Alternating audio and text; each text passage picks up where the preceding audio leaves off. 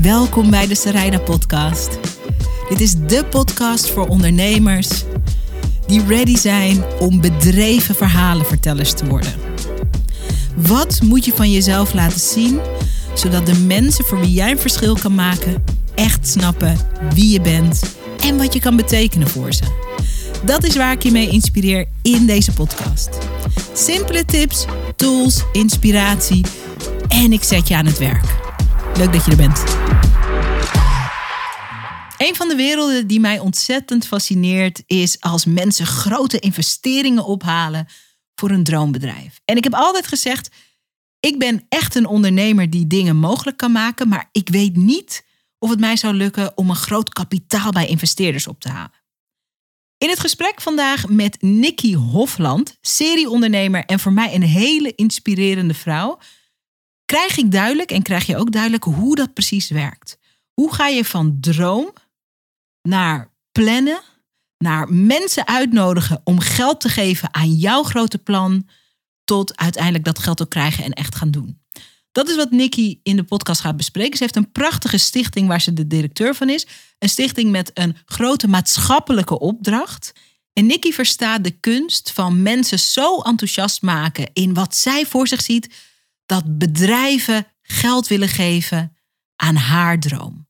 Hoe doet ze dat? Wat zijn de do's en don'ts? En wat kunnen wij als ondernemers leren van Nikki, ook als we nog niet durven op zoek te gaan naar investeringsgeld? Dat hoor je in deze podcast.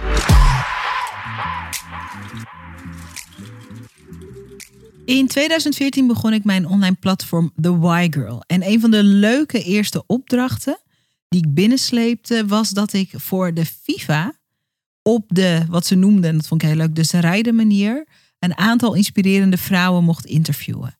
En zij was een van die vrouwen. En ik weet nog dat ik dacht, oh my god, wat een powerhouse is dit.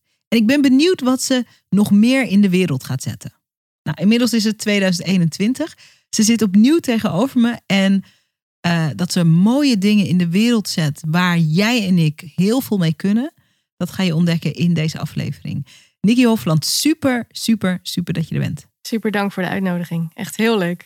Even terug naar 2014. Ik mocht mensen interviewen en um, ik interviewde jou. En beschrijf me even kort wat de Nikki van toen, een jonge vrouw, en dat weet ik nog wel, dat ik kreeg die suggesties van de FIFA en ze zeiden ja, we moeten Nikki er ook bij hebben. Ze is jong, maar uh, nu al, we kunnen aan alles proeven en voelen en zien dat dit een soort powerhouse ondernemer is en nog zal worden ook. Wat deed jij in 2014? Waar interviewde ik jou over? Even voor de luisteraars. Ja, nou, ik, ik zat in een uh, accelerator-programma van, uh, van Sanema. Dat is een groot huis van onder andere FIFA. En ik had toen een idee ingediend. En dat idee is toen werkelijkheid geworden. Dus ik heb toen vijf ton gekregen om dat idee uit te werken. En dat was Swipe in Shop. En dat was ja, eigenlijk heel corny uh, swipen door allerlei kleren heen. Ik, ik, moet altijd lachen nu als ik het nu vertel. Omdat natuurlijk nu is alles Tinder. Hè? Alles is links en rechts swipen alles en aanklikken. En rechts, maar dat was toen nog helemaal niet? Dat was toen echt helemaal niet. Dus wij waren echt een van de allereerste Tinder-achtige apps. En wij deden dat dan door, door kleren heen. Dus door de nieuwste collecties van kleren. En ja, jonge, jonge meiden waren echt compleet verslaafd. Uh, dus dat was, uh, ja, was heel leuk en heel leerzame tijd. En sowieso zaten we in een soort van innovatielab. Dus het was uh, alles kon, alles mag. geld kletste tegen de muren aan. Heel leerzaam. Overal werden mentoren en, en professionals ingehuurd om ons te ondersteunen en te helpen. Dus dat was, ja, ik kijk daar echt met heel veel plezier aan terug. Ik heb het helaas teruggegeven aan Sanoma. Ja. Omdat, ja, ja, vind ik heel jammer. Ja. Ja, wij, um, wij spraken niet dezelfde taal. Hm. Sanoma was een heel grote corporate, of is, trouwens nu overgenomen uh, door DPG. Maar um, ja, was een, was een heel groot bedrijf. Had hele andere verwachtingen dan wanneer je zelf een bedrijf opstart. Hm. We hadden, wij, spreek, wij speelden break-even uh, na het eerste jaar. Dat is heel knap bij zo'n groot. Uh... Nou ja, dat vond ik ook. Maar ze hadden toch wel een miljoen omzet verwacht. Uh, ik moest op een gegeven moment moest ik mediaplannen indienen hoeveel tv en uh, hoeveel radio. Dat moest ik dan allemaal vastzetten voor het hele jaar. Terwijl ik dacht, ja, maar dat zou ik zelf nooit zo doen. Ja, ja. Want als tv niet werkt, dan gooi ik mijn hele tv-planning eruit. En dan probeerde ik iets anders. Ja, echt het start-up. Hoe oud was jij toen? Want dat was vooral, ik dacht, oh my god. Deze girl, deze dame, wauw. Je vertelt het je zegt ook even zo heel ontspannen. Zeg, ja, we kregen vijf ton. En, moesten Ja, maar dat was bizar, hè? Ja, dat was crazy. Ik Dat weet dat ook nog. Ja, ja. Maar je hebt altijd, en dat vond ik heel interessant. eh, want hoe oud was je toen? ja begin 20. Ja, 22 was je. 22, ja. Ik zat heel snel te rekenen, maar ik kom, kom niet zo snel. Maar ja, ik was eh, ja, begin 20, ja. Ja. Nou ja, het is, het is best wel gek als iemand tegen je zegt... eh, hier heb je eh, een heleboel geld, ga het maar doen. Want nou ik, ik, ik deed dan eh, ondernemen sinds dat ik je 13 ben... maar dat was natuurlijk op een compleet andere schaal. Want wat deed jij op je dertiende? Ik had de artiestengids.net. en dat was mm, misschien nog één stapje terug. Mijn moeder die zei op een gegeven moment... Nick, ehm, ja, wij hebben het financieel niet altijd hè, anders dan de mensen om ons heen. Eh, dat hoeft niet altijd erg te zijn, want wij hebben internet. En eh zei ik, oh, in, in- internet dan? Ja, dat kan ik niet uitleggen, maar ga maar gewoon kijken. We hebben members.cello.nl slash flubbertje i.hofland. Maak er maar wat van. en toen ben ik begonnen en toen heb ik eh, artiestengids gestart. En artiestengids, dat was, nou ja, voor de, voor de, de, de, de luisteraar. ehm, vroeger, toen er nog geen Spotify en YouTube waren, toen ging je ook wel je, je huiswerk doen. En dan wist, wist je niet zo goed waar je dan de tofste muziek vandaan kon halen. En dat was altijd op de officiële websites van de artiesten. Daar kon je een paar nummers luisteren. Mm, En wauw. p3'tjes. Ja, ja, ja. Vroeger. Lang geleden. Lang geleden. Dus ik had gewoon een hele lijst gemaakt met alle artiesten. En als je daarop klikte, kwam je op de officiële website. Want we hadden nog geen Google. Dus je had Ilse.nl en niet alles was geïndexed in Ilse.nl. Dus was echt zoeken. Want Michael Jackson was bijvoorbeeld michaeljacksonofficial.com. Michaeljackson.com was nog niks. Maar goed, those were the days. En ik had dus een hele lange lijst. Ik had gewoon een hele, ja, dat was het eigenlijk, een lijst met doorklikken naar favoriete artiesten. En toen kregen we mailtjes van vader Abraham dat hij erop wilde. En dat ik niet begreep wie vader Abraham was en waarom hij erop moest. dat mijn moeder moest uitleggen van nee, ja, wacht even. Ken je de smurfen? Ah, oké. Ja, nou dan moet hij wel geld betalen, want anders mag hij er niet op. Nou, dat is een beetje soort van uit de hand gelopen. Totdat we op een gegeven moment zoveel verkeer hadden. Dat we de hostingmaatschappij, eh, die eh, kwam met een eh, bedrag van een paar duizend euro, wat we extra moesten betalen. Toen raakte mijn moeder heel erg in paniek. Die zei, ja Nick, ik ben bang dat we moeten stoppen met je hobby, want ja, dit gaat zo niet. En toen eh hostingpartij gebeld en die moesten zo lachen en die vonden het zo tof. Die zei, nou, als wij een grote banner op de homepage mogen, dan is het gewoon voor de rest van je leven is het gratis. Wauw. En toen heb ik heel hard mogen groeien. En toen kwam artiestennieuws.nl, want toen dacht ik, ja, ik wil toch wel wat meer. Ja, er moet iets meer, dus ik wil lekker schrijven. En ik, eh, En inmiddels ben je nog steeds een tiener. eh, terwijl dit zegt- Inmiddels, in Ja, artiestennieuws ja. was 16, ja. 16, was ik 16, oké. ja. Dus 13 als... als Artiestengids, ja. En toen, oké, Ja, wauw. artiestengids heb ik kunnen verkopen. Artiestennieuws heb ik ook kunnen verkopen op mijn 21ste. Mag ik daar, ik weet niet hoe open je daarover wil zijn, en het hoeft absoluut, maar ik ben altijd nieuwsgierig als mensen een goed lopende website, zeker in die tijd, verkochten. Waar denken we dan aan? Wat levert dat dan Oh, op? dat was eh, een paar duizend euro. Dat gaat helemaal nergens over. Oké, oké. En dat is best wel, ehm, ja, wat zal dat zijn geweest? Zes, zeven, achtduizend euro, denk ik. Dat, dat ging helemaal nergens over. Maar ook omdat ik niet wist wat zoiets waard was. Hè? Nee, nee, nee, dus natuurlijk het niet. was ook gewoon dommigheid. Eh, maar goed, ja, ik was er wel trots op. Ja, en het bestaat zeggen. nog steeds. Dus dat is ook echt heel tof. Wauw. Ja, artiestennieuws.nl bestaat nog steeds. In die hoedanigheid ehm, begon dat ondernemerschap heel vroeg bij Ja. jou. Eh, bij Sanoma werd je echt omarmd eh, om dat idee. Eh, Je was de winnaar van een, van een wedstrijd, van een pitchwedstrijd. Dus hè, mensen konden goede ideeën en dan kreeg je geld en dan werd je onderdeel van die incubator. En ze zeiden tegen mij, die Nikki, die moet je interviewen. En ehm, ik ben super blij dat ik dat mocht doen. En ik ben altijd, en dat hoor ik nu ook weer, ik zit ook als een soort hondje zo naar je te luisteren. ik hou ervan als ehm, mensen, vrouwen, soort pure ondernemers zijn. Het is ook helemaal niet erg als je daar heel erg in moet groeien. Of ik ben zelf iemand die wel heel ondernemend was, maar die ook echt in haar ondernemersrol later is gegroeid. Ehm, maar ik hou ervan als het zo soort in je DNA stroomt. En wat ik nog mooier vind is als eh, echte, echte ondernemers, en daar schaar ik je onder, ehm, die superpower die ze hebben, inzetten voor goeds in de wereld. En ehm, nou, je hebt verschillende dingen gedaan. We hebben nu een paar dingen benoemd, maar je doet nu iets heel bijzonders. Namelijk, nou ja, eigenlijk kan je het beter zelf. Nee, ik Als- zou wel leuk vinden als jij het aankondigt. Ik ben benieuwd hoe jij het ziet namelijk. Ja, oké. Hoe ik jou zie in je nieuwe onderneming is dat jij je, je superpowers van je ondernemerschap, eh, die, die superpower die je hebt om geld te kunnen verzamelen, zet je in voor de ontwikkeling van mensen die extra hulp nodig hebben. Ja, mooi. En het is een goede combi van echt ondernemerschap en echt ook ehm, eh, just good work. Good work. Je, en, en heel plat gezegd, je creëert eh, microkredieten voor, ehm, voor mensen die in een iets van een eh, achterstandspositie zitten, zodat ze zich kunnen laten omscholen, zodat ze weer aansluiting vinden ehm, op de arbeidsmarkt, maar ook op de beweging van de toekomst van de arbeidsmarkt. Ik vind, het- ik vind het heel mooi. Ik ga deze echt terugluisteren en vaker Uitknippen. gebruiken. Ja, echt En als eh, quote. heel tof. Ja, nee, ja we, ik ben eh 1 maart begonnen met Tech Eh, dat is hoe de, de foundation he- heet. 1 maart vorig jaar, hè? 1 maand vorig jaar, ja. Ja, Twee weken 2020. voor, eh, voor de coronacrisis. Dat is een heel interessante timing, maar daar kunnen we het zo nog over hebben. Ja, graag. Ehm, en Tech Me Up is eigenlijk ontstaan vanuit... Het is ook niet mijn eigen idee, dat eh, wil ik er nog wel bij zeggen. Het is ontstaan vanuit zes verschillende techopleidingen... die zagen dat het voor hun heel erg moeilijk was... om een bepaalde groep studenten in hun klas te krijgen. Dus op het moment dat zij de, de deuren naar de wereld openden... zagen zij een hele andere samenleving... dan wanneer zij naar hun klasdeuren kijken, of binnen hun, hun klas keken. En ehm, toen hebben ze de koppen bij elkaar gestoken. En eh, toen ben ik erbij gekomen van, ja, wat moeten we hier nou mee? Hoe ben je erbij gekomen? Want dat Ja. idee bestond er en, Ja, dat is best wel een, en ineens een, was daar Nicky. een andere afslag. Ehm, ik werkte voor Aim for the Moon. Dat was een, ehm, een corporate startup studio waarbij ik eigenlijk corporate startups, dus wat ik deed bij Sanoma, eh, die eh, coachte ik richting succes, richting het, het, ontstaan van een nieuw bedrijf.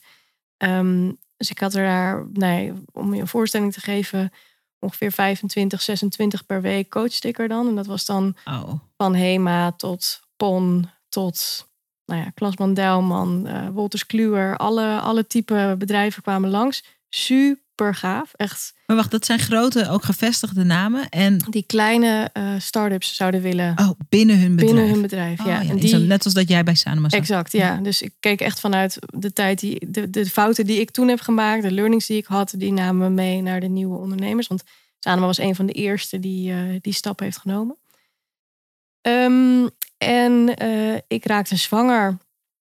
En ik kon, ik kon niet mee op het niveau wat ik, wat, ik, wat ik maakte daar. Dus ik had daar 26 teams die ik coachte. Nou ja, keer één uur zit je op 26 uur. Keer twee keer per week. Soms workshop die soms twee, drie uur duurt. Ergens ook nog lunchen of niet. Het was best wel hoog tempo.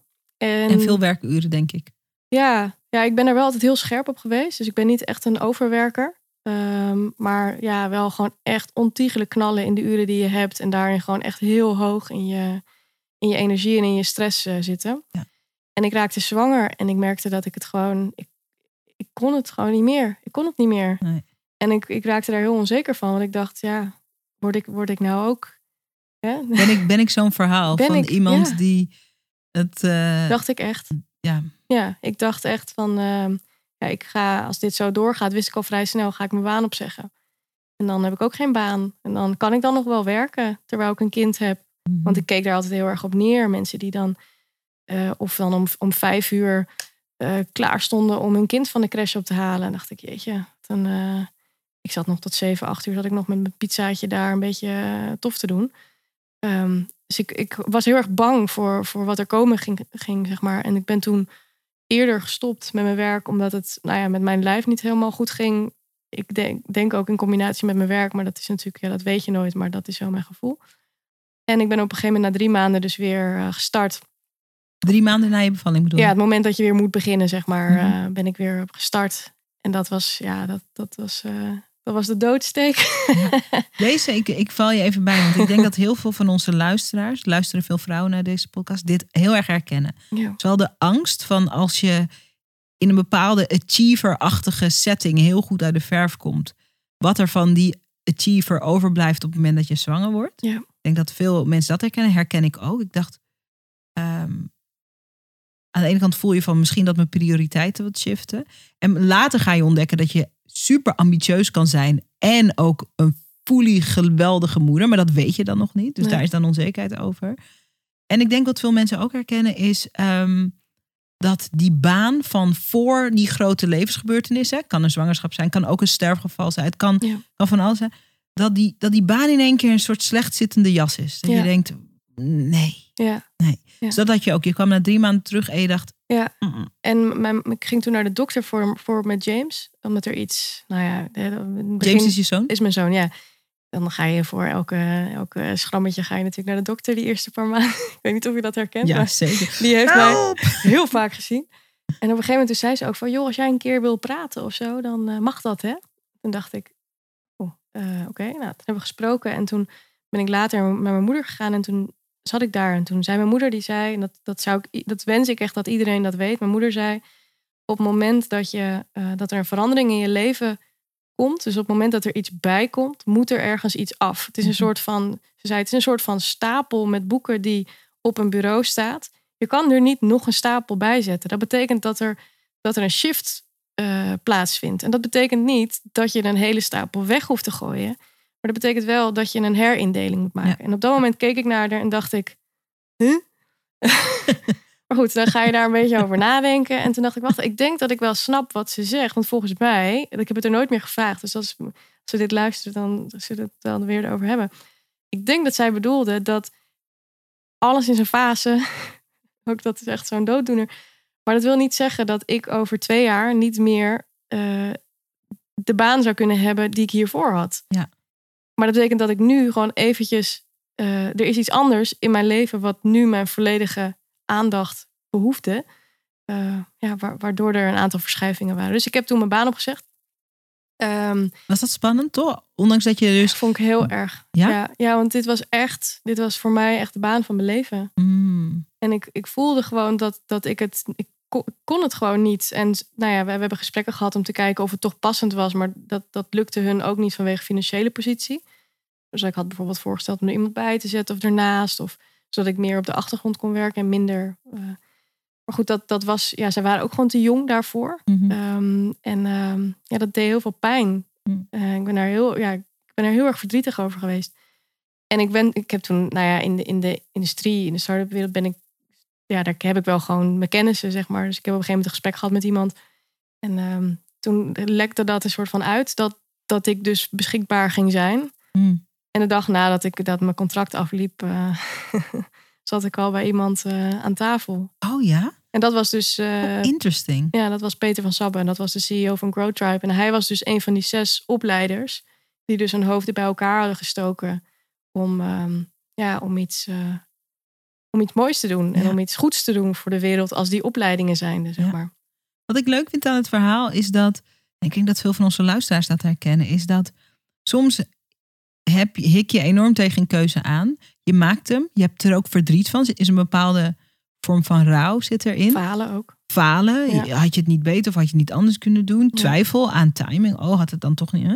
Maar zodra die deur dicht gaat, Gaat de ander open. Ja, en dat is zo. En je weet het pas wanneer het gebeurt. Mensen kunnen het je zeggen. Dus als je op dit moment zit te luisteren en je zit op zo'n kruispunt in je leven. eh Nick en ik kunnen in volle overtuiging zeggen: er komt iets anders. Er Ja. gaat, maar dat, je weet het pas als je het Als je het beleeft. ziet. ja. Ja, exact. En als je het ervaart. Oké, En ik zei toen tegen vriendinnen, zei ik ook van, eh, ja, ik, ik, word, ja, ik, zal, ik word huismoeder. Die moesten natuurlijk heel hard lachen en die hebben natuurlijk geluisterd en gezegd, goh joh, ja, jeetje, Ja. jeetje, ja, nou ja, hè, dan is maar voor een jaar. En een dag later zat ik al, had ik alweer een nieuw contract. maar goed, ja, dat wist ik op dat moment ook niet natuurlijk. Het voelde, ja.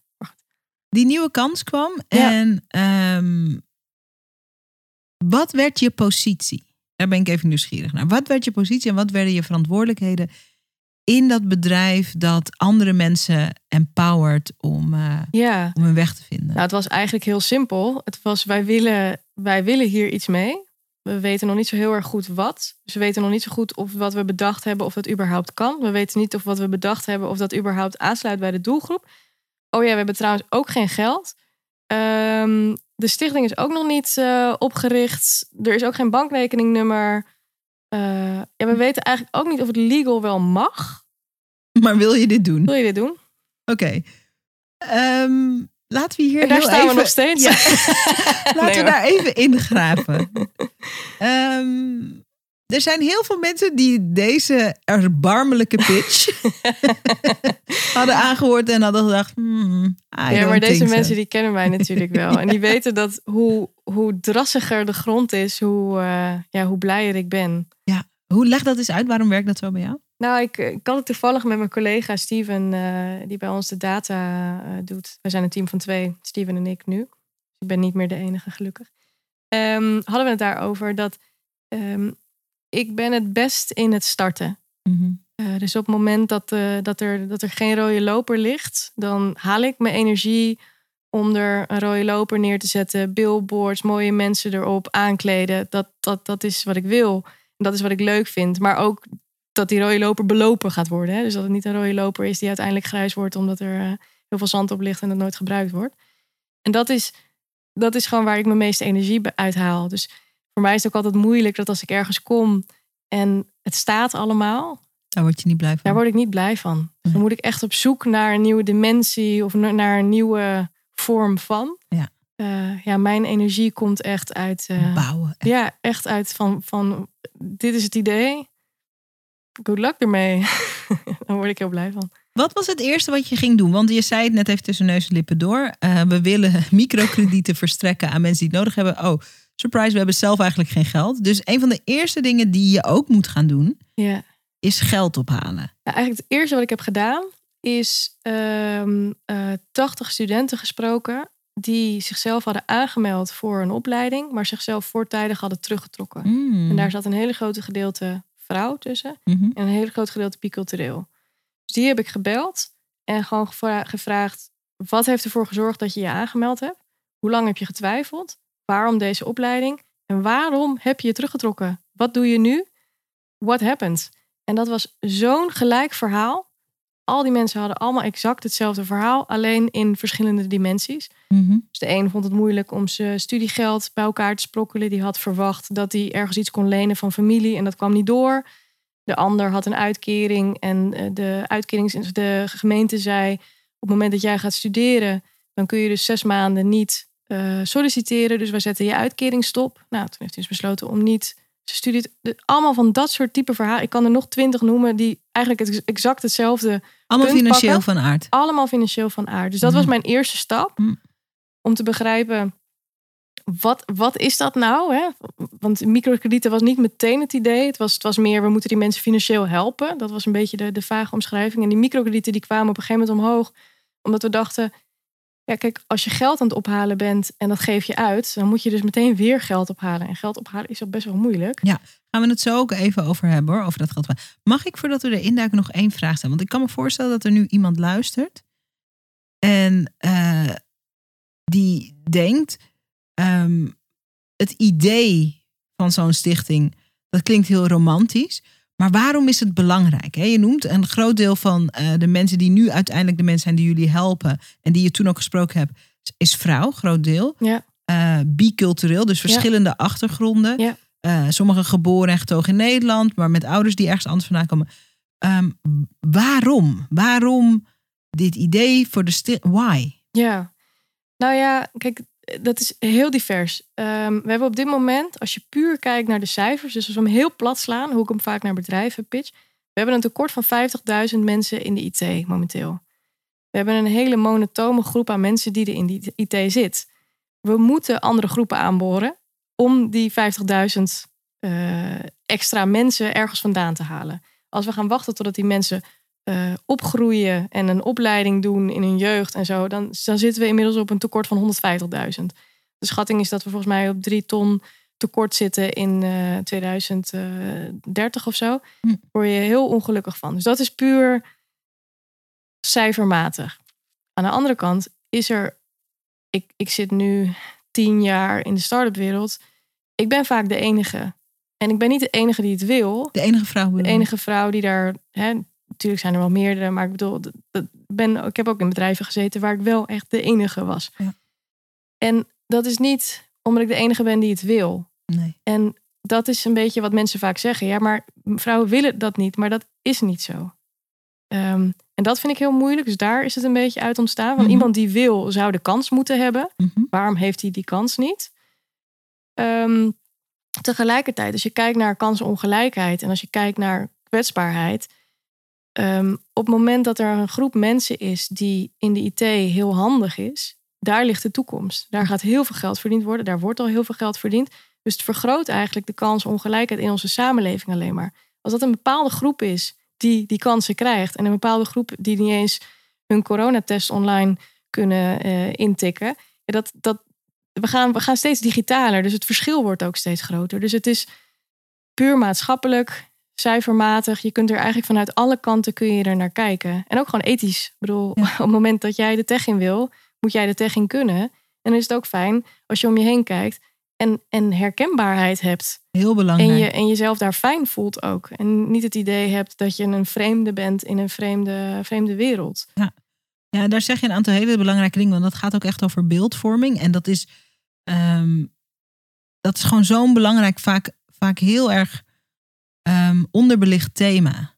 Dat ook mensen moeten, mensen moeten niks, maar het helpt als mensen, mensen waarin ze zich kunnen herkennen, kunnen zien Ja. op posities. Ja. Ik weet voor mezelf, en dat is een heel ander verhaal, maar ehm, toen ik ging studeren, toen had ik in mijn achterhoofd, is ook een beetje wat veel, eh, ehm, veel als je ouders buiten Nederland geboren zijn, in mijn geval Suriname, en naar, en naar Nederland komen, eh, dan krijg je vaak het advies, zeker als je goed kan leren, om voor één van de drie beroepen te kiezen. Lawyer. You either become a lawyer, Ja. a doctor Ja. or a failure, zei iemand laatst tegen mij. Precies. Welke moet is de het- derde? je moet het op. ehm, je, je, je kan eh medicijn inderdaad studeren. Je kan inderdaad recht, want dan kan je Ja. altijd mee Ja. aan de slag. Ehm, of je moet een economische studie. Oh ja, want, ja, ja. want er is ook altijd overal economie. Ja, ja, ja. Oké. En, en eh, ik heb dat dus ook gedaan. Ik ging een economische studie doen. En ehm, terwijl ik mijn- mijn interesse was echt vooral like, journalistiek. Maar ik heb daar dus nooit, ik heb nooit nagedacht. Nee. Dus ik las tijdschriften, ik las kranten, ik, ik, ik consumeer volledig journalistiek op allerlei manieren. Ik hou van radio, ik hou van tv. Maar nooit de gedachte Nee. dat dat dan voor mij was. En dit is gewoon een heel klein voorbeeld. Maar dit is een heel, heel herkenbaar. Ja, toch? Want de quote die ik net geef, dat is letterlijk wat ik hoor. Ja. En ehm, ja, super herkenbaar. Ik wilde nog zeggen, eh, even terugpakkend en dan pak ik hem weer terug. Eh, een andere reden is dat er op dit moment mensen aan producten werken die monotoom zijn. Dus dat betekent dat producten, technische producten, niet altijd toegankelijk zijn voor iedereen. Ik weet niet, je, je kent be- ma- Maak dat de, concreet. de, de, de, de zeepdispenser die niet werkt met een, met een zwarte hand. Eh, hè, dat soort, daar zijn er echt duizenden voorbeelden van. Maar dat komt dus omdat het monotome eh, IT-teams zijn die. ehm, die deze- dat perspectief die dat- niet in, eh, in acht nemen. Omdat niemand kan zeggen op de werkvloer... hey, het is ook Ik belangrijk dat mijn even. hand... Ja.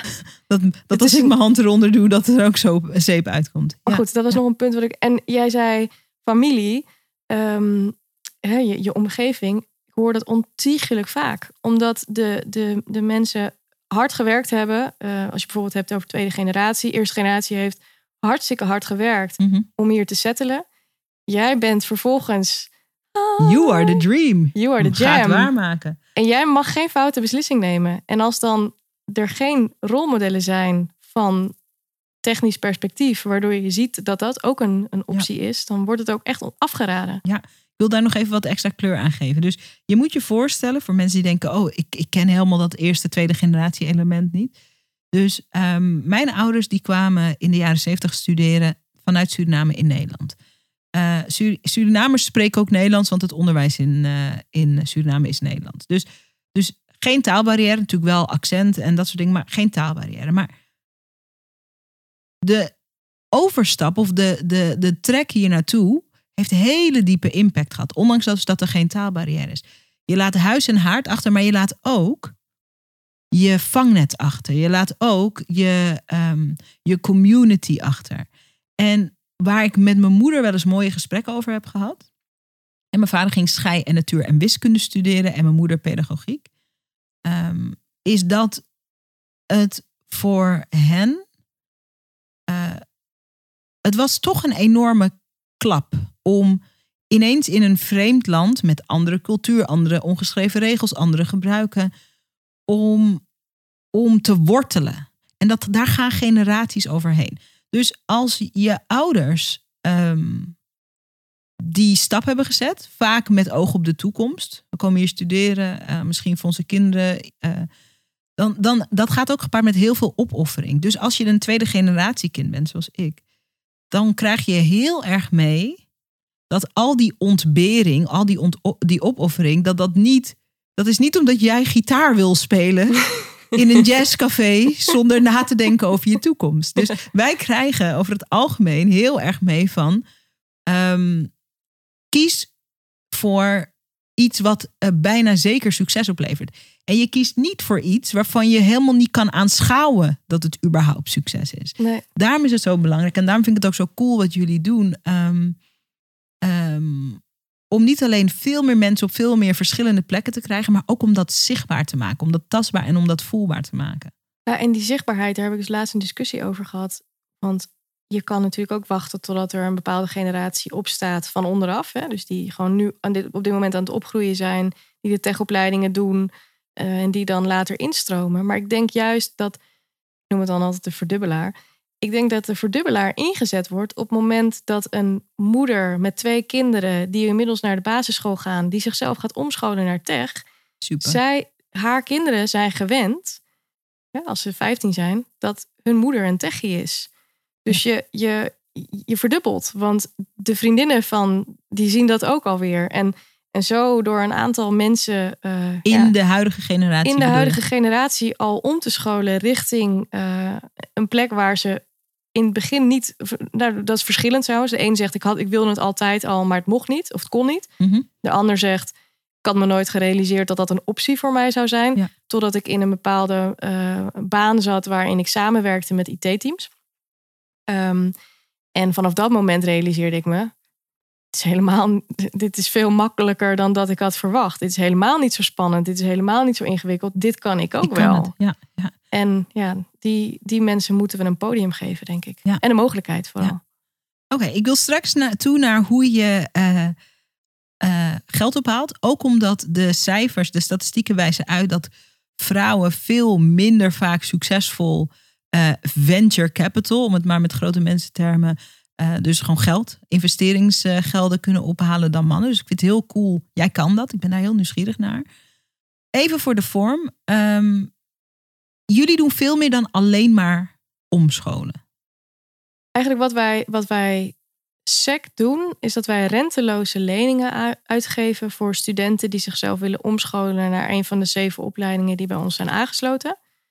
En die renteloze leningen mogen ze gebruiken voor lesgeld, maar die mogen ze ook gebruiken voor leefgeld. Dus als zij bijvoorbeeld 1000 euro 6 uitkering krijgen, um, maar eigenlijk 1200 zouden willen hebben om zich niet zorgen te hoeven maken aan het einde van de maand of ze uitkomen, kunnen ze dat ook uh, aanvragen. Dus gemiddeld is het tussen de anderhalf en de 7.500 euro wat iemand bij ons aanvraagt. En uh, deze studenten betalen dat pas terug op het moment dat ze een baan gevonden hebben. Ja. Als je zegt tussen anderhalf en 7000, gaat dat over per maand? Nee, in totaal. In totaal. Ja. Oké, okay, dus het is een klein krediet ja. om uh, of te investeren in die opleiding of Ja. om te investeren in je leven zodat je je kan. opleiding kan doen. Ja, dus bijvoorbeeld het geld wat je, wat je bij zou moeten leggen omdat je nu buitenschoolse opvang nodig hebt voor je kinderen. Of uh, nou ja, dus dat soort uh, type verhalen. Of als je een wajong hebt en nu fulltime gaat studeren, waardoor je dus maar, uh, wat is het, 500, 600 euro. Nou ja, daar kun je niet van leven. Dus dan moet je het ergens van kunnen aanv- aanvullen. Hm. en dan vullen wij dat aan, zodat iemand die eigenlijk nooit de mogelijkheid zou hebben, nu wel de mogelijkheid heeft om, om te doen wat hij wil. Dus bijvoorbeeld, ik kan wel een voorbeeld geven. Een van de Ja. voorbeelden die, die ik vaak geef, is een, een student die, dat was onze allereerste student, een jazzgitarist. en die met corona raakte hij al zijn, zijn gigs kwijt. En in augustus zaten wij allemaal, hè, jij en ik waarschijnlijk ook van. Nou, in de zomer, het zal wel na de zomer, zal dit allemaal wel we wel over zijn. zijn? Ja, exact.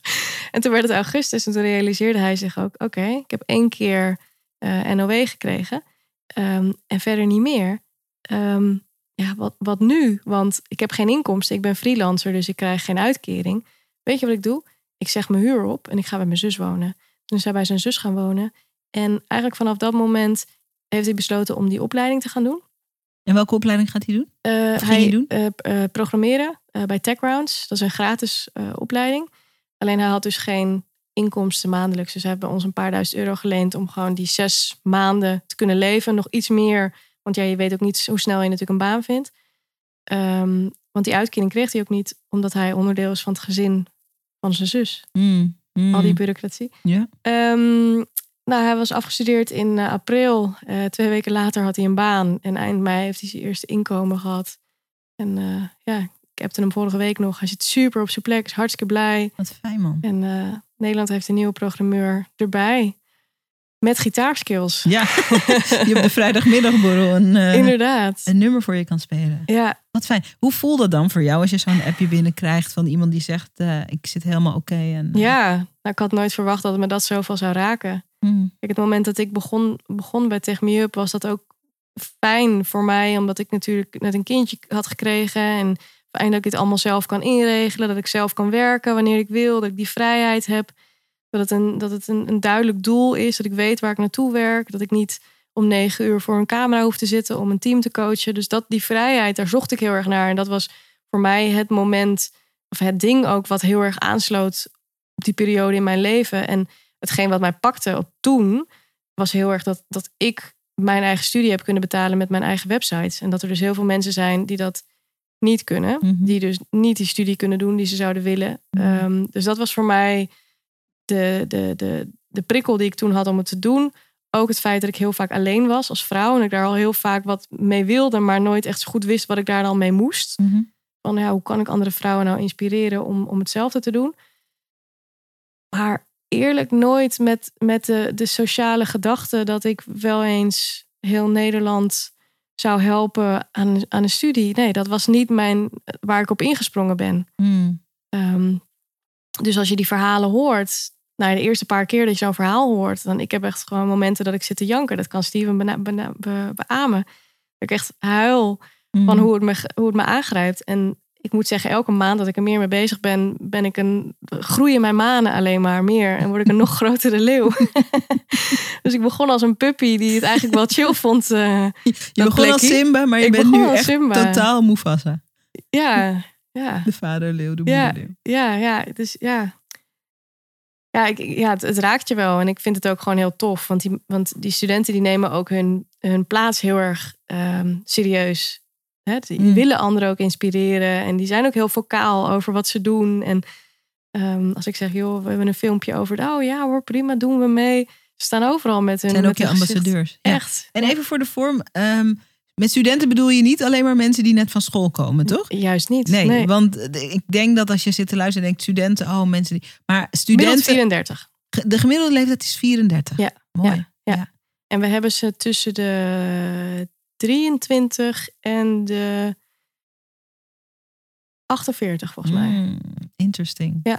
Vrouw, man, alles eigenlijk. Komt Alles. allemaal voorbij. Ja, alles Wat komt mooi. voorbij. Ja. Je noemde net al even tussen neus en lippen door. ehm, eh, ik had nooit gedacht dat ik eh, Nederland aan de studie zou helpen. Is de, de, de missie, waar je dus niet, je bent niet direct op een heel grootse missie ingestapt, maar gewoon van, oh, dit is mooi, dit past goed en dit Past is bij leuk. mij. Ja. Ja. Maar is die missie ook een, heb je daar ook een uitgesproken droom of doel in nu? Nou, ehm, ja. Kijk, het doel is om tech diverser te maken. Het doel is dat als ik ooit een, een, een dochtertje krijg nog, dat zij niet hoeft te twijfelen of dat een plek voor haar is. Dat is voor mij wel een heel duidelijk doel.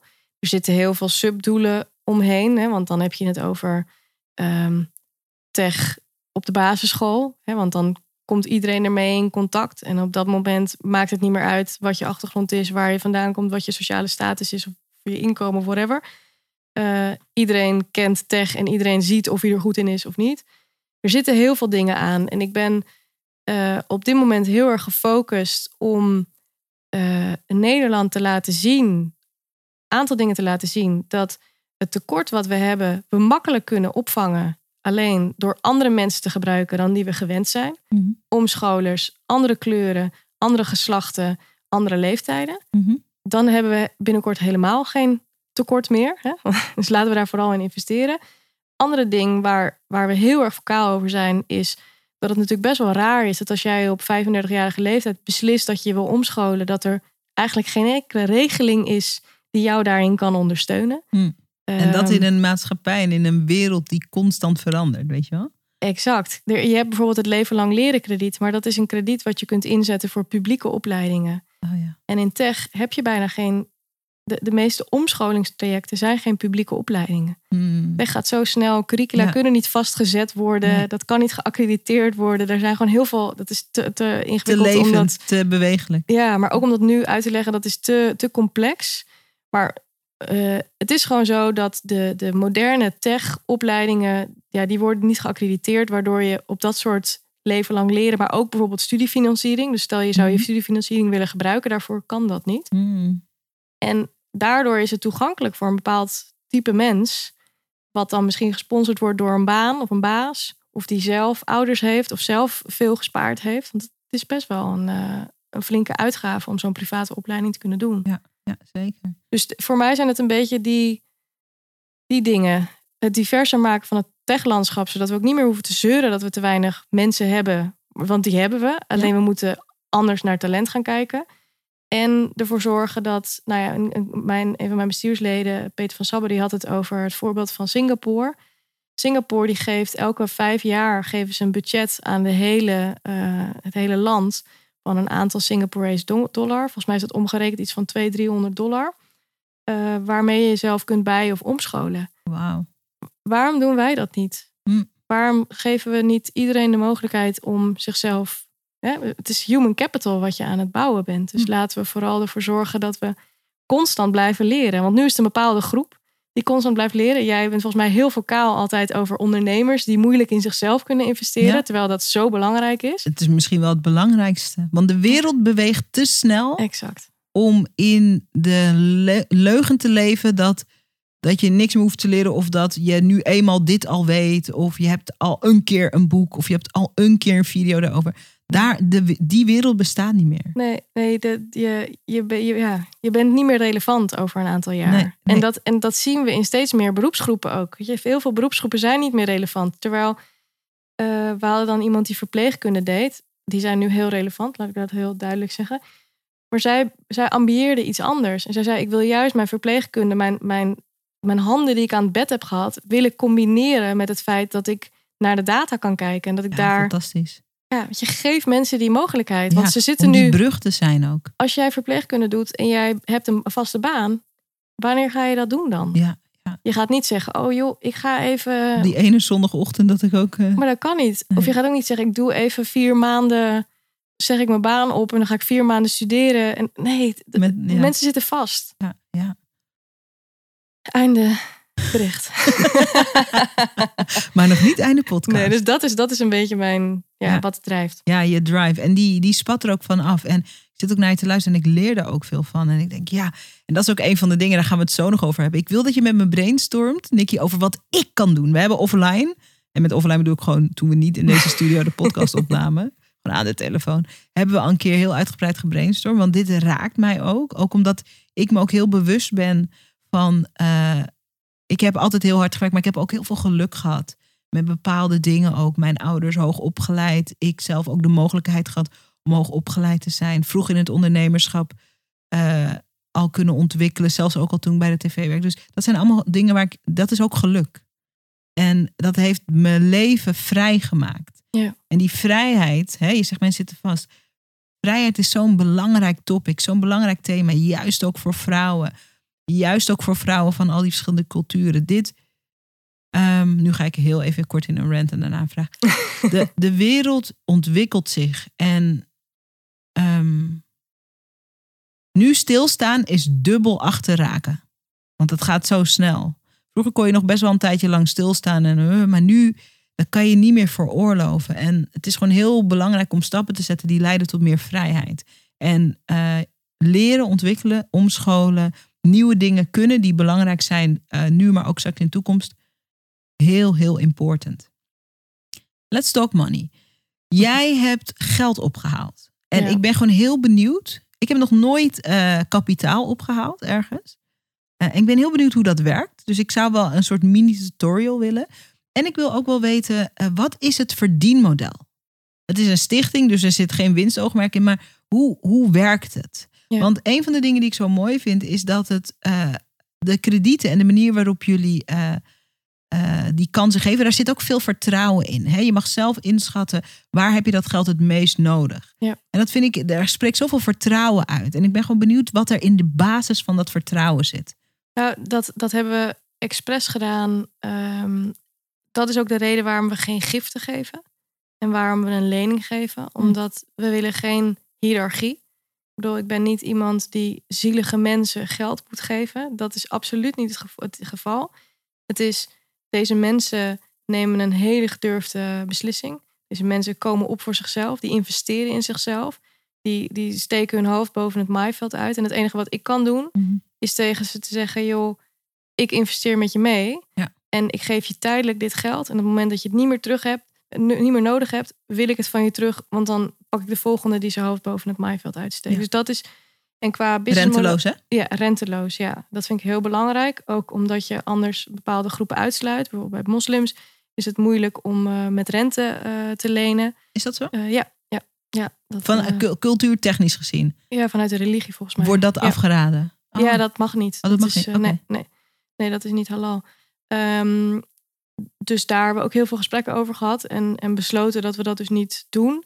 Waardoor we onszelf, nou ja, als je het hebt over een businessmodel. ik noem het zelf ook geen verdienmodel, maar een businessmodel. Daardoor is dat ook heel moeilijk. Want we hebben natuurlijk, ja, we hebben zelf, we zijn er maar met z'n tweeën. Dus qua kosten zitten we op zich niet zo heel erg hoog. Maar goed, iemand een lening geven kost geld. Dat is eh, Mhm. natuurlijk wat, eh, wat het zeker is. Daar zitten mensen achter.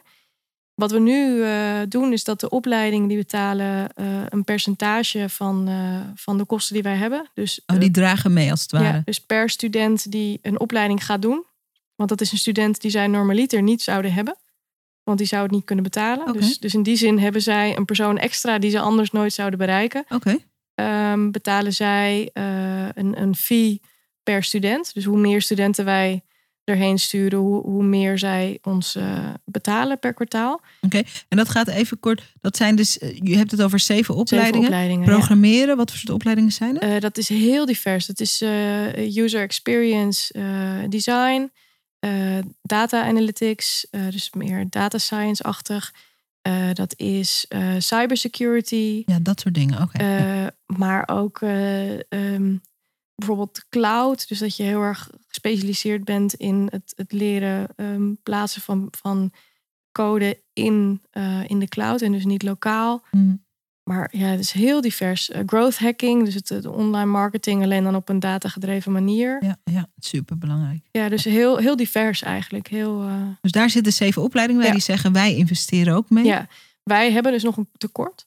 eh, van ehm, eh, per, per student hebben we een, een tekort. En dat vullen we nu aan met donaties. Hm. Dus we hebben donaties voor het grote fonds. Die zijn ook heel erg gescheiden.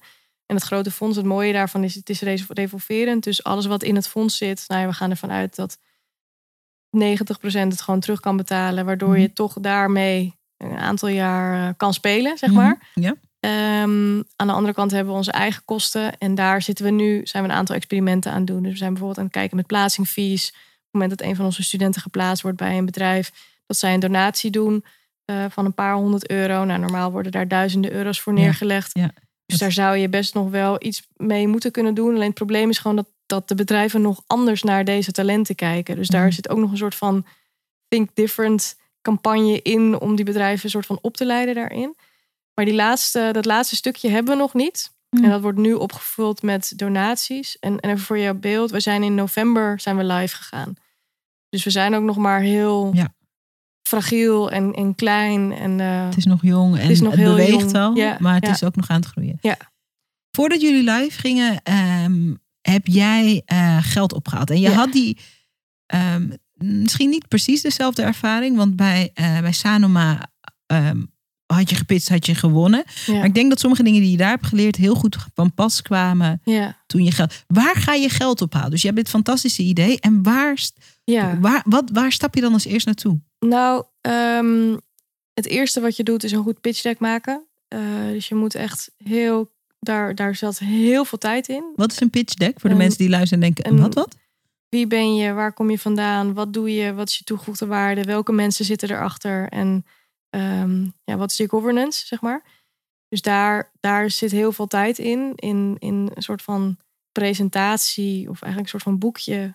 eh, wat beschrijft wat jij bent en wat je visie is. En hoe je dat gaat doen. En welke mensen dat ook gaan doen. En dus daar zit veel tijd in. Wat ik geleerd heb van, eh, van de CEO van, of CEO, de, de, een van de founders van eh, TomTom, Corinne Figuereux. eh, zij zit in ons bestuur en zij heeft heel erg gehamerd op governance. En wat betekent dat? Eh, dat betekent dat we hebben het natuurlijk over leningen, dus we hebben het over geld, we hebben het over veel geld wat heen en weer gaat. Dus waarom geef je een bepaalde persoon geld en waarom een ander niet? Waarom voeg je die opleiding toe en een andere niet? Wie houdt het allemaal in de gaten? Dus zij zei je moet heel veel tijd steken in het creëren van een mooi, mooie schil om je heen van mensen die eh, waar mensen tegenop kijken, eh, van, van mensen waar mensen van onder de indruk zijn, van mensen die jou inhoudelijk heel erg veel kunnen helpen op be- bepaalde thema's. Mhm. Dus daar ben ik toen heel erg mee in de slag geweest om selectiecommissie samen te stellen, een opleidingscommissie, een Mm. raad van advies. Mm. Want ondanks dat je alleen bent, ben je zo niet alleen. Mm. Dus op het moment dat wij zeggen, joh, Lotte de Bruin. En Lotte de Bruin is ehm, de directeur van eh, NL Digital. Dat is de brancheorganisatie van digitaal. Zit bij ons in de raad van advies. Ah, als zij erin gelooft, Mm. dan durf ik het ook wel. Mm. En dat, dat heb ik echt eh, de afgelopen tijd geleerd. Dat ehm, het aansluiten van mensen die jou omarmen en het, en het visible maken van mensen die jou omarmen heel belangrijk is. In mijn eerste pitchgesprekken was ik bijvoorbeeld ook niet van het name droppen. Eh, nou, dat heb ik inmiddels wel geleerd. Ik vind het echt verschrikkelijk, maar eh, dat is hoe het werkt. Mm. Laten weten wie er in je geloven, welke mensen het tof vinden, welke mensen eerder al eh, geld hebben, hebben gegeven en ehm, hoe dat gegaan is. Dus dat is een beetje het gedeelte wat ik eh, allemaal geleerd heb. Mag ik daar heel even Ja. ehm, op aanhaken? Want eh, dit is een podcast die gaat over ondernemerschap, gaat ook over zichtbaarheid. En het gaat over alles wat daaraan vastzit. Wat dus gewoon levens zijn van mensen. Je business, je leven zit aan je business vast. Maar wat ik heel cool vind is ehm, eh, wat je nu omschrijft. Dat je zegt, ik hou eigenlijk niet van name droppen. Dus dat past eigenlijk niet zo bij wie je bent. Ook omdat, denk ik hoor, als ik in mag vullen. Je bent gewoon van het harde werken, resultaten. En het zou heel makkelijk voor jou zijn om te zeggen: ja, maar dat moet dus voor zichzelf spreken. Ja. Kijk, de, de mooie missie, eh, wat we hebben opgezet. Ehm, maar wat ik cool vind, is dat je. ehm, en het, het spel is niet het juiste woord, maar bij gebrek aan een beter. Ik vind het cool dat je, dat je die taal spreekt van wat het nodig heeft om te lukken. Ja, En voor ons ondernemers, als je zit te luisteren, ook al ben je een ZZP'er en je werkt alleen of ehm, ehm, je hebt één of twee mensen die jou assisteren of je hebt een groot team. Eh, het, is, het is echt zo belangrijk dat je, eh, en dat is gewoon persuasion, dat is gewoon de- leren overtuigen en weten wat daarvoor nodig is. Dat je dat leert en dat je dat ook omarmt. En eh, klein voorbeeld, eh, wij maken bijvoorbeeld ehm, in onze business maken we documentaires. Maken we korte docus over inspirerende ondernemers. En ik kan daar van alles over vertellen. En als ik er dan bij vertel, eh, ja, we hebben niet lang geleden een documentaire gemaakt voor Martijn van Tongeren en Tony Loorbach van de IMU. Dat is een bekende, dat is een bekende partij in onze online marketingwereld. Dan snapt iedereen het opeens. Oh, over Martijn en Tony. Oh, dan vind ik het wel leuk. Dan wil ik het wel horen. ja, En, eh, en zo werkt het met allerlei verschillende dingen. Er zijn ook mensen die denken, Martijn, Tony, geen idee. Maar het is goed om, om mensen aan te spreken in hun taal ook daarin. ja. En dat is ook een onderdeel van zichtbaar zijn. En het begrijpen wat dus blijkbaar hun taal is. Ja. En, en hoe, hoe je ze eh, enthousiast kunt maken. Mm. Want als je, ja, ik had dan. Eh, nou, ik had laatst een, eh, een gesprek. Ik had een meeting met iemand waar ik al heel lang mee zou willen praten. Ik ga geen namen noemen, want dat is een beetje awkward. Ehm, en dat wilde ik al heel erg graag, omdat die persoon heel zichtbaar is in tech. En, en mij, die kan Tech Me Up een heel grote boost geven. En ik heb dus met verschillende mensen gesproken die deze persoon goed kennen. Om te begrijpen hoe spreek ik, Eh, wat, wat is interessant waar, waar gaat deze persoon op aan? Ik heb op LinkedIn gekeken welke dingen geliked worden door deze persoon. Het, is, het, het voelt soms alsof je eh, een pitch doet en het lukt. Alleen er zit natuurlijk heel veel voorbereiding in. En Ja. dat vergeten heel veel mensen. Ja, mensen denken dat pitchen is. Ik, ik flans al dan niet met veel. eh, met veel eh, ik flans iets in elkaar. En dan ga ik dan tegen iedereen hetzelfde verhaal aanhangen. En de kunst van wat jij omschrijft, wat ook persuasion is, wat ook goede marketing in zijn basis heeft, is. Ja. Kan je van de honderd elementen die er in jouw project zitten, kan jij de drie voor die persoon belangrijkste elementen eruit halen? En kan je daar je verhaal omheen bouwen? Ja, Dat is ook wat sales is. exact. Dat is ook wat marketing is. Dat is ook wat. ehm, en dat is zo een belangrijke skill om te leren. En de onwennigheid om je dus te willen verdiepen in die ander, dat is wat veel ondernemers klein houdt. Ja. Ja, als het zo ze moeten een soort ze moeten maar naar mij toe. Het product spreekt voor zich. eh, de inhoud is genoeg. En denk ik, nee, stap verder inderdaad. Researchen. Ja. Zo heb ik ook mijn baan ooit bij BNN geregeld. Ja? Ik hoorde in de wandelgangen dat ze een programma wilden gaan maken waar ik aan mee wilde doen. Ik heb onderzoek gedaan, ik heb mensen gebeld. En toen ben ik het gaan maken. Zo heel Jip en Jannerig. Jip en Janneke. Dus jij had al een voorstel gemaakt Ja, eigenlijk. nee, van ik hoe heb het echt, nee, ik heb echt een, een, een proefaflevering Echt? gemaakt. Ik, dus ging, zonder dat ze het wisten. Ja. Wat tof. en, dus ik kwam daar binnen. Ik had iemand van de, eh, van de filmacademie getrokken. Ik zou, kan je, kan je me helpen? Ik moet eh, een, een, een pilotprogramma maken. En ik zei ook toen ik daar binnenkwam, ik zei, ik weet dat iedereen hier met een brief komt. Ik zeg maar, ik werk hier al. Ik heb het al helemaal gemaakt. Dit is, waar- ik weet dat jullie dit belangrijk vinden. En de grap is dat die video was hartstikke slecht. Veel te donker, veel te dit.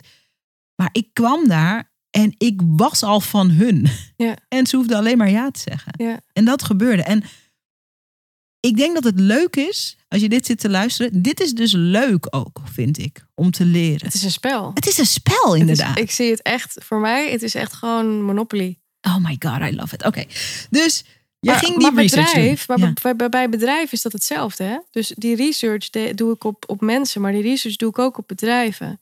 Ehm, dus eh, waar staat het bedrijf voor? Wat heeft het bedrijf staan in zijn eh, CSR-beleid?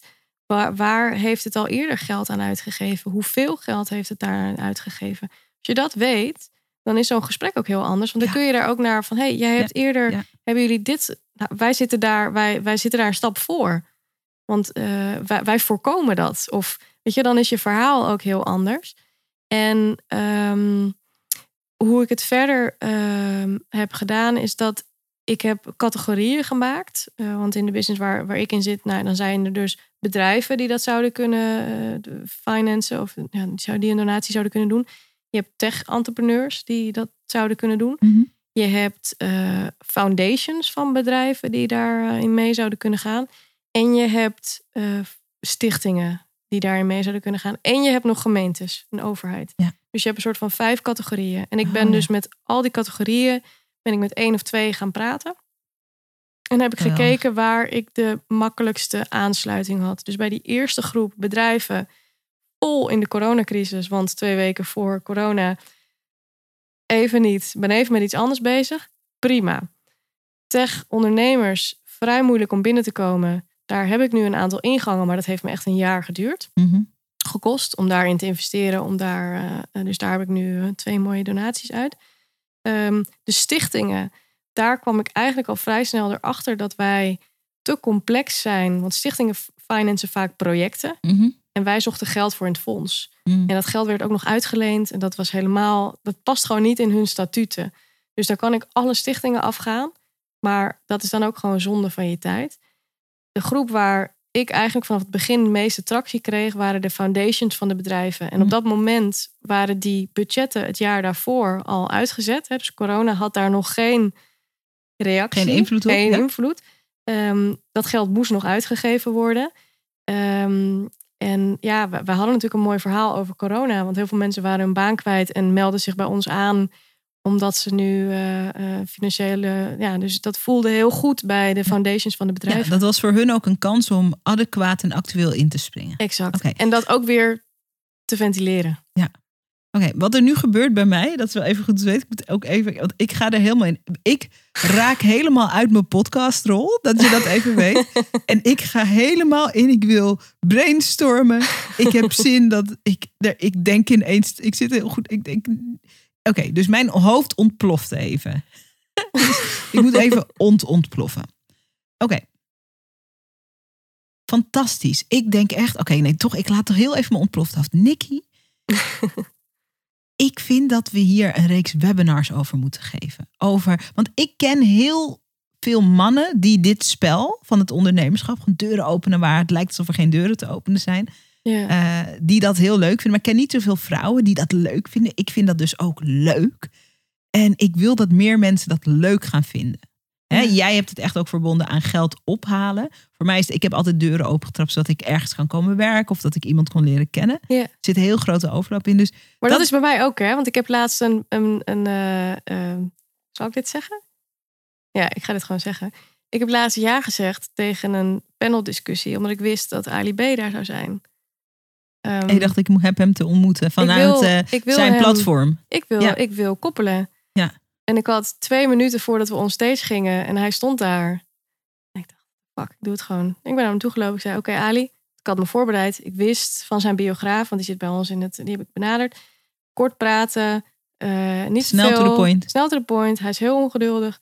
Eh, dus het, nou ja, goed, ik hoop dat ik hem eerder heb gesproken voordat dit uitkomt. Maar ik heb nu zijn nummer.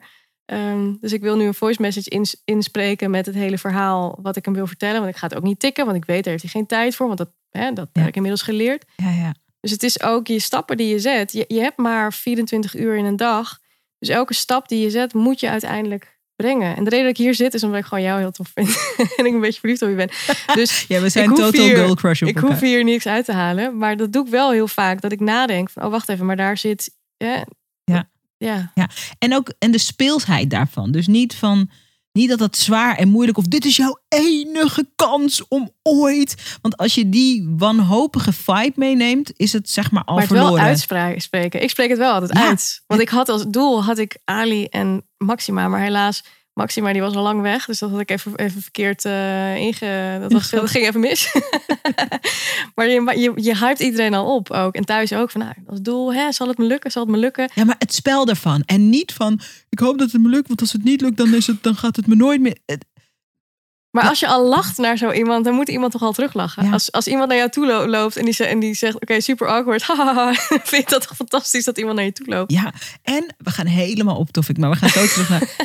En wat mensen ook totaal onderschatten, is dit. Ik word elke dag benaderd voor dingen. Oh, de podcast. eh, eh, eh. Ehm, allemaal dingen die op papier best aardig zijn, maar ik moet toch ook mijn tijd goed managen. Eh, ik kan meteen in een benadering of in een pitch lezen of iemand zich verdiept heeft in mij of mijn bedrijf.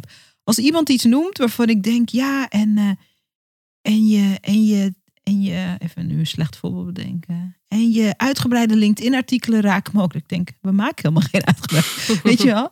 Eh, terwijl als iemand zegt, ehm, eh, ik luister je podcast en vorig jaar heb je een podcast opgenomen met Nicky Hofland. En dat stukje waar jullie zo helemaal uit je dak gingen, ja, dat raakte mij. En ik ben dat toen gaan proberen.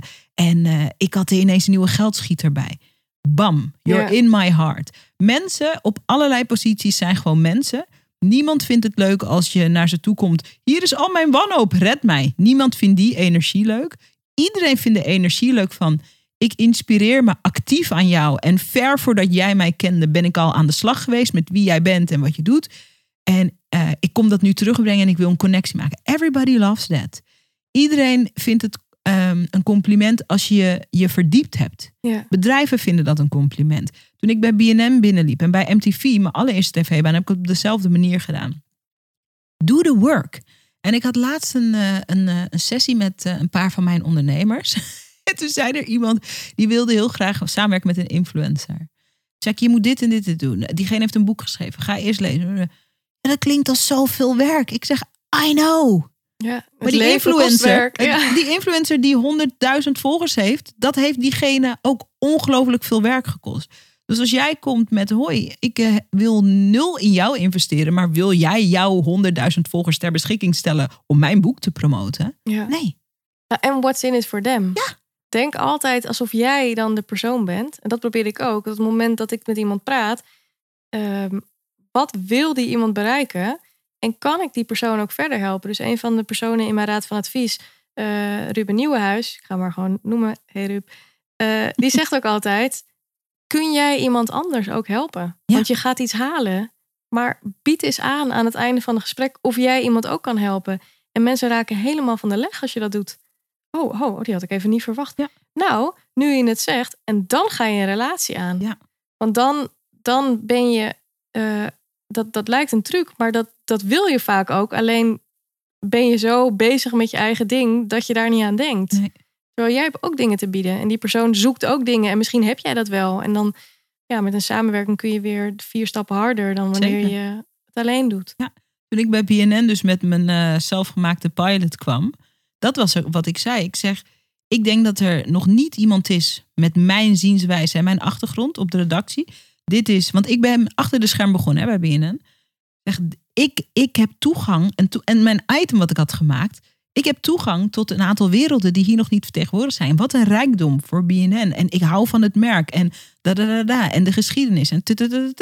Dus het was, dus het is niet zo van ik wil bij de tv. Dat is Nee. niet het verhaal. Jullie hebben er ook wat aan. Dit is wat ik Ja, jullie kan mooi. brengen. En Ja. hetzelfde, ehm, nou ja, goed, eindeloos verhaal. Maar en, en daar goed in worden Ja. is een superpower. Maar dat is ook je. ehm, ik denk dat mensen met, nou, als je bijvoorbeeld een MBTI-profiel hebt met een hoge F, de mensen die, hè, die weten nu wat ik Ja. bedoel. Sommigen niet, die denken, Ja, "Eh, maakt niet dus uit, de MBTI, ja, dat, is een, eh, dat, dat, dat zijn allemaal karaktertests die er zijn. Wij laten de mensen in ons team dat ook doen om te begrijpen van hoe steek je in elkaar.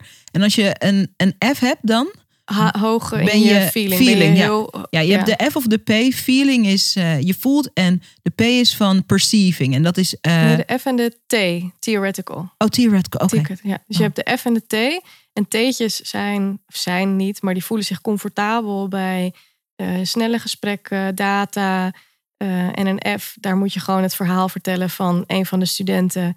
En zeggen, dit is zijn verhaal. Wil jij hem helpen? Maar als je dat bij een T doet, is, die, die is op de helft van het verhaal, snapt hij het al niet meer, is hij al ergens anders. Ja, die denkt, give me the facts, man. Ja, maar ik weet nog niet meer wat voor punt ik wilde maken. Nou, dat, dat gaat ook Oh ja. over. Ja. Ik denk dat mensen met goed, mijn hersenen gaan ook alle kanten op. Dat eh, mensen met een hoge F, die, die hebben echt een voordeel. Dus als je weet dat je hoge F hebt, eh, je voelt veel. Dus je voelt ook hoe iemand in de wedstrijd zit en of iemand op je reageert, of je door kunt gaan, of dat je nog iets meer moet. Ja, in het gezicht kun je al heel veel zien. En T'tjes, daar is dat wat moeilijker mee, want die kunnen wat moeilijker verkopen aan een F, bijvoorbeeld. Nu Maar goed. luisteren er heel veel eh F'jes naar deze podcast. Veel ondernemende, grootdromende vrouwen die een bepaalde maat van hoogsensitiviteit zijn- hebben. Eh, empathisch zijn. Jongens, je hoort het hier niet voor het eerst. Maar je ik, voordeel. ja, je, hebt heel, je hebt je leven lang gehoord dat je empathie en je zachtgevoeligheid dat dat een issue is. Maar I'm telling you, het is een superpower. Het is het echt. Het is super. Ja. Oké. Nicky, we moeten zo afronden, want het gaat door. In deze marathonsessie. Ehm ik, wil, eh, ik wil drie dingen nog. We willen natuurlijk straks weten waar kunnen we naartoe. Want ik weet zeker dat als je dit hebt geluisterd, dat je of iemand kent waarvan je denkt, ik gun het diegene om, eh, om eh, dat extra eh, stukje hulp te krijgen om zich om te scholen. Misschien ben je wel een ondernemer en dat, dat is even de, de categorie waar ik mezelf in schaar. Die, ehm, die ook meer wil doen. Ik wil ook meer betekenen, meer doen. Dus kan, hoe kan je als ondernemer samenwerken met Nicky om eh, vanuit eh, geld wat je geeft eh, te empoweren? Of misschien op een andere manier. Dus daar wil ik nog even over hebben. En ik wil nog één ding over. We hebben het nu heel lang over pitchen gehad. Eh, hoe heb je uiteindelijk geclosed, om het even in, in salestaal te. Dus je hebt uitgebreid research gedaan, je hebt die pitch decks, je hebt de pitch steeds afgestemd op de verschillende partijen. Waar viel het grote geld en what happened? Als je daar een kleine anekdote Nou, over hebt. Wa- Wat ik wel merk is dat ehm, eh, ik benader mensen vrij koud. Eh, dus ik kijk echt wie op welke positie zitten. Ik kijk dan of ik gemeenschappelijke mensen ken. Vraag voor een intro. intro's zijn altijd fijn. Dan sta je al 4-0 voor. Uh, dus dat is ook heel vaak gebeurd. Dan hoefde ik eigenlijk zelf ook niet zo heel veel te doen. Maar dan had je al de persoon die in jou gelooft, die, uh, die jou daarmee voortrekt. Um, kan dat niet, ook dan kun je hem zelf closen. Dat is uh, geen probleem.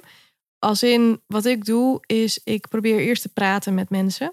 Mm -hmm. in dat gesprek probeer ik te begrijpen wat ze um, belangrijk vinden, hoe ze reageren op wat ik zeg.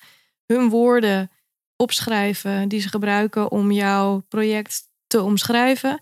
Die weer terug laten komen in het voorstel wat je gaat schrijven naar deze mensen. Dus dat eerste gesprek, heel veel mensen sturen gewoon een, een, een aanvraag.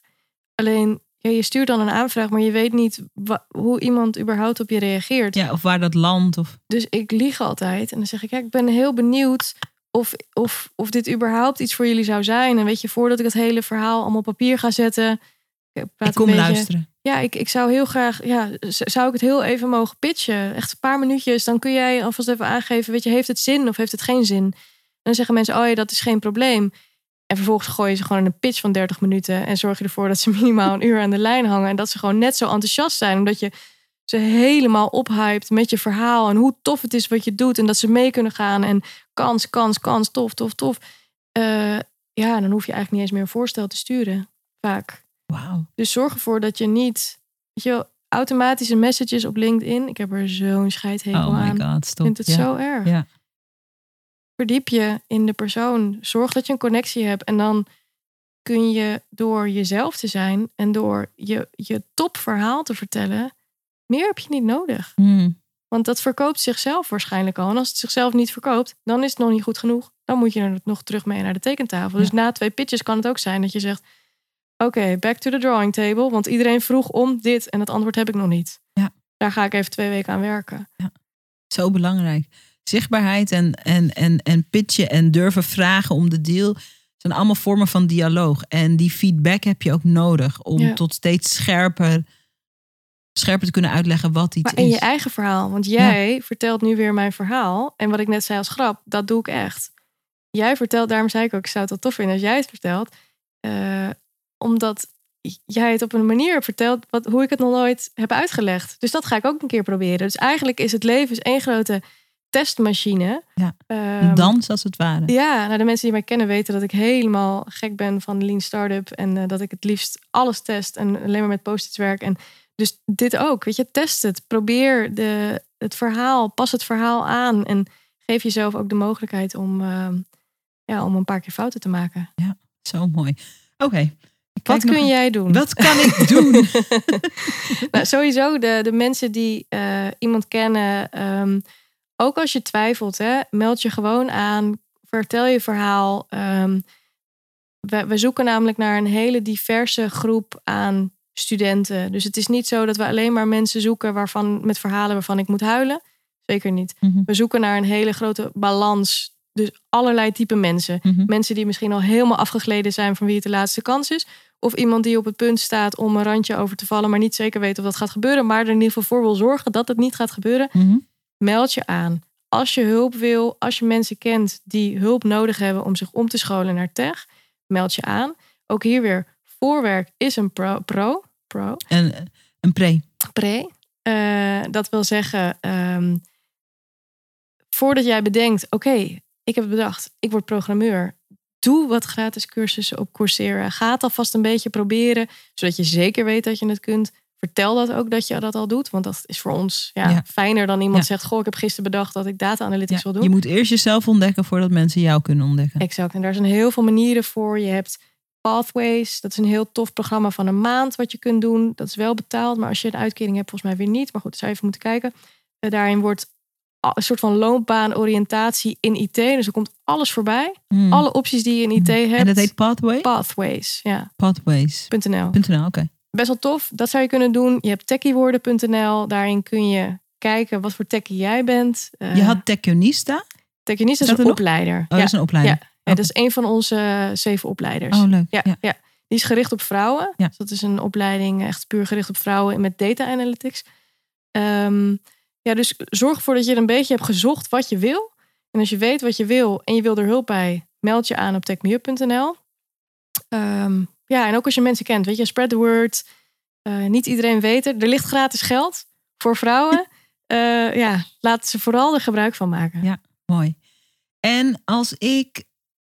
Um, ja, jij als jij helpen. Mij, ja, als, als, je, als jij even op mijn stoel komt zitten. Ja. Dus um, ik heb mijn Video Business School, dat is mijn opleiding. Dat gaat over video en zichtbaarheid en echt over ondernemerschap. Daarom ging mijn hart ook zo hard kloppen. Ik denk, oh ja. Dus het is niet alleen maar video en het is niet alleen maar de tool video, maar het is alles wat daaronder zit. Dat is er. Ik ben ook een alleenstaande moeder in co-ouderschap uh, met de vader van mijn dochter. Ik ben natuurlijk, uh, um, ik, ik heb, ik, mijn ouders die kwamen uit Suriname, dus ik heb, voel ook heel veel voor uh, mensen die lijken op mij. Niet alleen maar, want als je bijvoorbeeld kijkt naar al onze studenten van Video super divers. Veel vrouwen, aantal leuke mannen erbij ook. Maar ik heb natuurlijk een extra soft spot in my heart voor uh, vrouwen die, zich, die op mij lijken, die zichzelf nog niet zoveel vertegenwoordigd zien. En die ook die tools nodig hebben om groter te dromen. En om ook grote stappen te zetten die anders zijn dan dat ze misschien voor zichzelf hadden uh, bepaald op voorhand. Um, maatschappelijk, maatschappelijk een verschil maken vind ik heel belangrijk. Wat kan ik doen? Ja, ja die, vraag, die krijgen we heel vaak, gelukkig. Dus daar ben ik echt heel dankbaar voor. Want inmiddels voelt Tech Me Up ook niet als een foundation van twee personen, maar echt als een, als een movement van 500 mm. tot 1000 man. Uh, nogmaals, dat vind ik, daar ben ik echt heel dankbaar voor. Um, wat wij, uh, waar wij actief naar zoeken, uh, dat zijn um, mentoren voor onze studenten. Dus dat zijn mensen die in tech iets doen um, en het tof zouden vinden om een van onze studenten verder te helpen. Je moet je voorstellen dat die studenten die hebben uh, die komen in een totaal andere omgeving, in een totaal ander netwerk. Je, als je jazzgitarist was en je komt nu ineens in tech, wauw, wat gebeurt hier allemaal? dus eigenlijk iemand die gewoon naast je staat als een soort van broer uh, of zus en die die stappen allemaal al gezet heeft. Niet iemand die CEO is, maar gewoon ja, iemand die al iets langer meeloopt in deze industrie en um, ja, studenten echt kan helpen uh, om uh, terecht te komen waar ze, waar ze willen terechtkomen daar zijn we altijd heel actief naar op zoek. dan denk ik meteen bijvoorbeeld aan iemand in mijn team die daar heel goed voor zou kunnen. Dat zou super zou cool zijn. zijn. Ik denk ook aan een aantal studenten die we hebben. Ja, dat zou echt super tof. Dus we zoeken daar echt actief naar. En het is ook best wel moeilijk, omdat mensen het spannend vinden, weet niet weten hoeveel tijd dat kost. Ja, Waardoor jouw tijd een uur per maand nou, te geven, dan maak je al zo'n verschil met iemand, bij iemand. Als iemand gewoon een, ma een, een uur per maand aan jou vraag, vragen kan stellen. Kan ik in het bestuur? in onze raad van advies. Ja.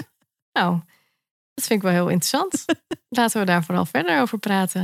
Nou, dat lijkt me wel heel leuk. Dat lijkt mij ook leuk. Ja, dat lijkt me heel leuk. Dan weet ik al een aantal mensen uit mijn community die leuke mentoren zouden zijn. Ja, nou, wat we, we, we, we hebben ook heel veel mensen die uh, ambassadeur zijn binnen een bedrijf hm. voor ons. Hm. En die eigenlijk wat die doen, um, is dat die proberen binnen een bedrijf wat in gang te zetten. Uh, dus dat is een beetje mijn contactpersoon dan binnen zo'n bedrijf. En dat kan er bijvoorbeeld mee te maken hebben dat een bedrijf iemand uh, kan aannemen. Dus een van onze oh, studenten kan aannemen. Dat zouden wij ook kunnen doen. Ja. Nou, dat zou top zijn. Uh, maar ook um, bijvoorbeeld financieel. Dus dat, is een, dat een bedrijf. Je hebt natuurlijk ook heel veel bedrijven die winstdelingen doen. Of die met het, het einde van het jaar. We hadden bijvoorbeeld um, Sean uh, van Equinix, die zei: Ja, we hebben, nu mogen we 100 euro inzetten en dan wordt het verdubbeld door het bedrijf. Ik wil jullie daar graag in, in meenemen. Dan ga ik mijn collega's activeren om hun 100 euro en jullie te steken. Nou, dus daar zijn we ook altijd echt op zoek naar mensen die verschil kunnen maken binnen het bedrijf. Als persoon kun je ook een student sponsoren. Hmm. Dus dat je zegt, um, 150 euro zorg ik ervoor dat de kosten die wij hebben om een student een lening te geven, hm. ik sponsor uh, deze persoon. Dan kun je ook nog een beetje aangeven wat voor type persoon je graag zou willen sponsoren. Doen we niet te diep, want anders wordt het natuurlijk voor ons ook een beetje moeilijk in, in de zoektocht. Ja, en dat is misschien ook niet helemaal. Maar ik zou bijvoorbeeld heel leuk vinden om bijvoorbeeld een alleenstaande moeder die een heel grote droomambitie heeft en wat extra hulp nodig heeft. Nou ja, dat zou ik heel leuk vinden. Dat, uh, dus, dus dat is een mogelijkheid. Uh, die gaat vanaf 15 juni, gaat die, nou iets eerder al denk ik, maar gaat die open, de, de website. Okay. Dus dan kun je echt een, uh, een student sponsoren. Het is nog een beetje lastig, want de mensen die op zoek zijn naar geld, die kunnen we natuurlijk nog niet erop zetten. Dus het zijn een beetje fictieve eh, verhalen nog maar. eh, ja, dus dat, dat, dat is echt heel tof. En vanuit bedrijven eh, zoeken we natuurlijk altijd naar donaties, dat is duidelijk.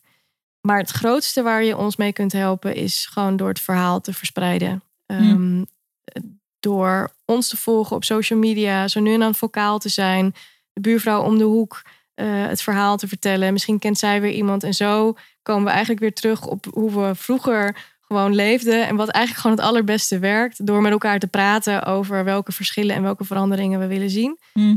En alle vrouwen die nu luisteren, die, en mannen trouwens, die ehm, kinderen hebben, ehm, geef ze tech speelgoed vanaf leeftijd 2. Oh my god, dit is ook man.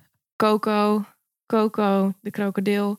Geef hem aan elk vriendje van James krijgt Coco de, de krokodil. Elk vriendinnetje krijgt Coco de krokodil. Oh, wij hebben nog geen kokere krokodil. Dan ga ik, voor jou, ga ik voor jou, eh, moet je maar even je adres geven, stuur ik jou een Coco op. Graag. Ehm, elk meisje vooral moet in contact komen met hoe het code werkt. Het moet niet spannend zijn, want wij zijn namelijk niet anders.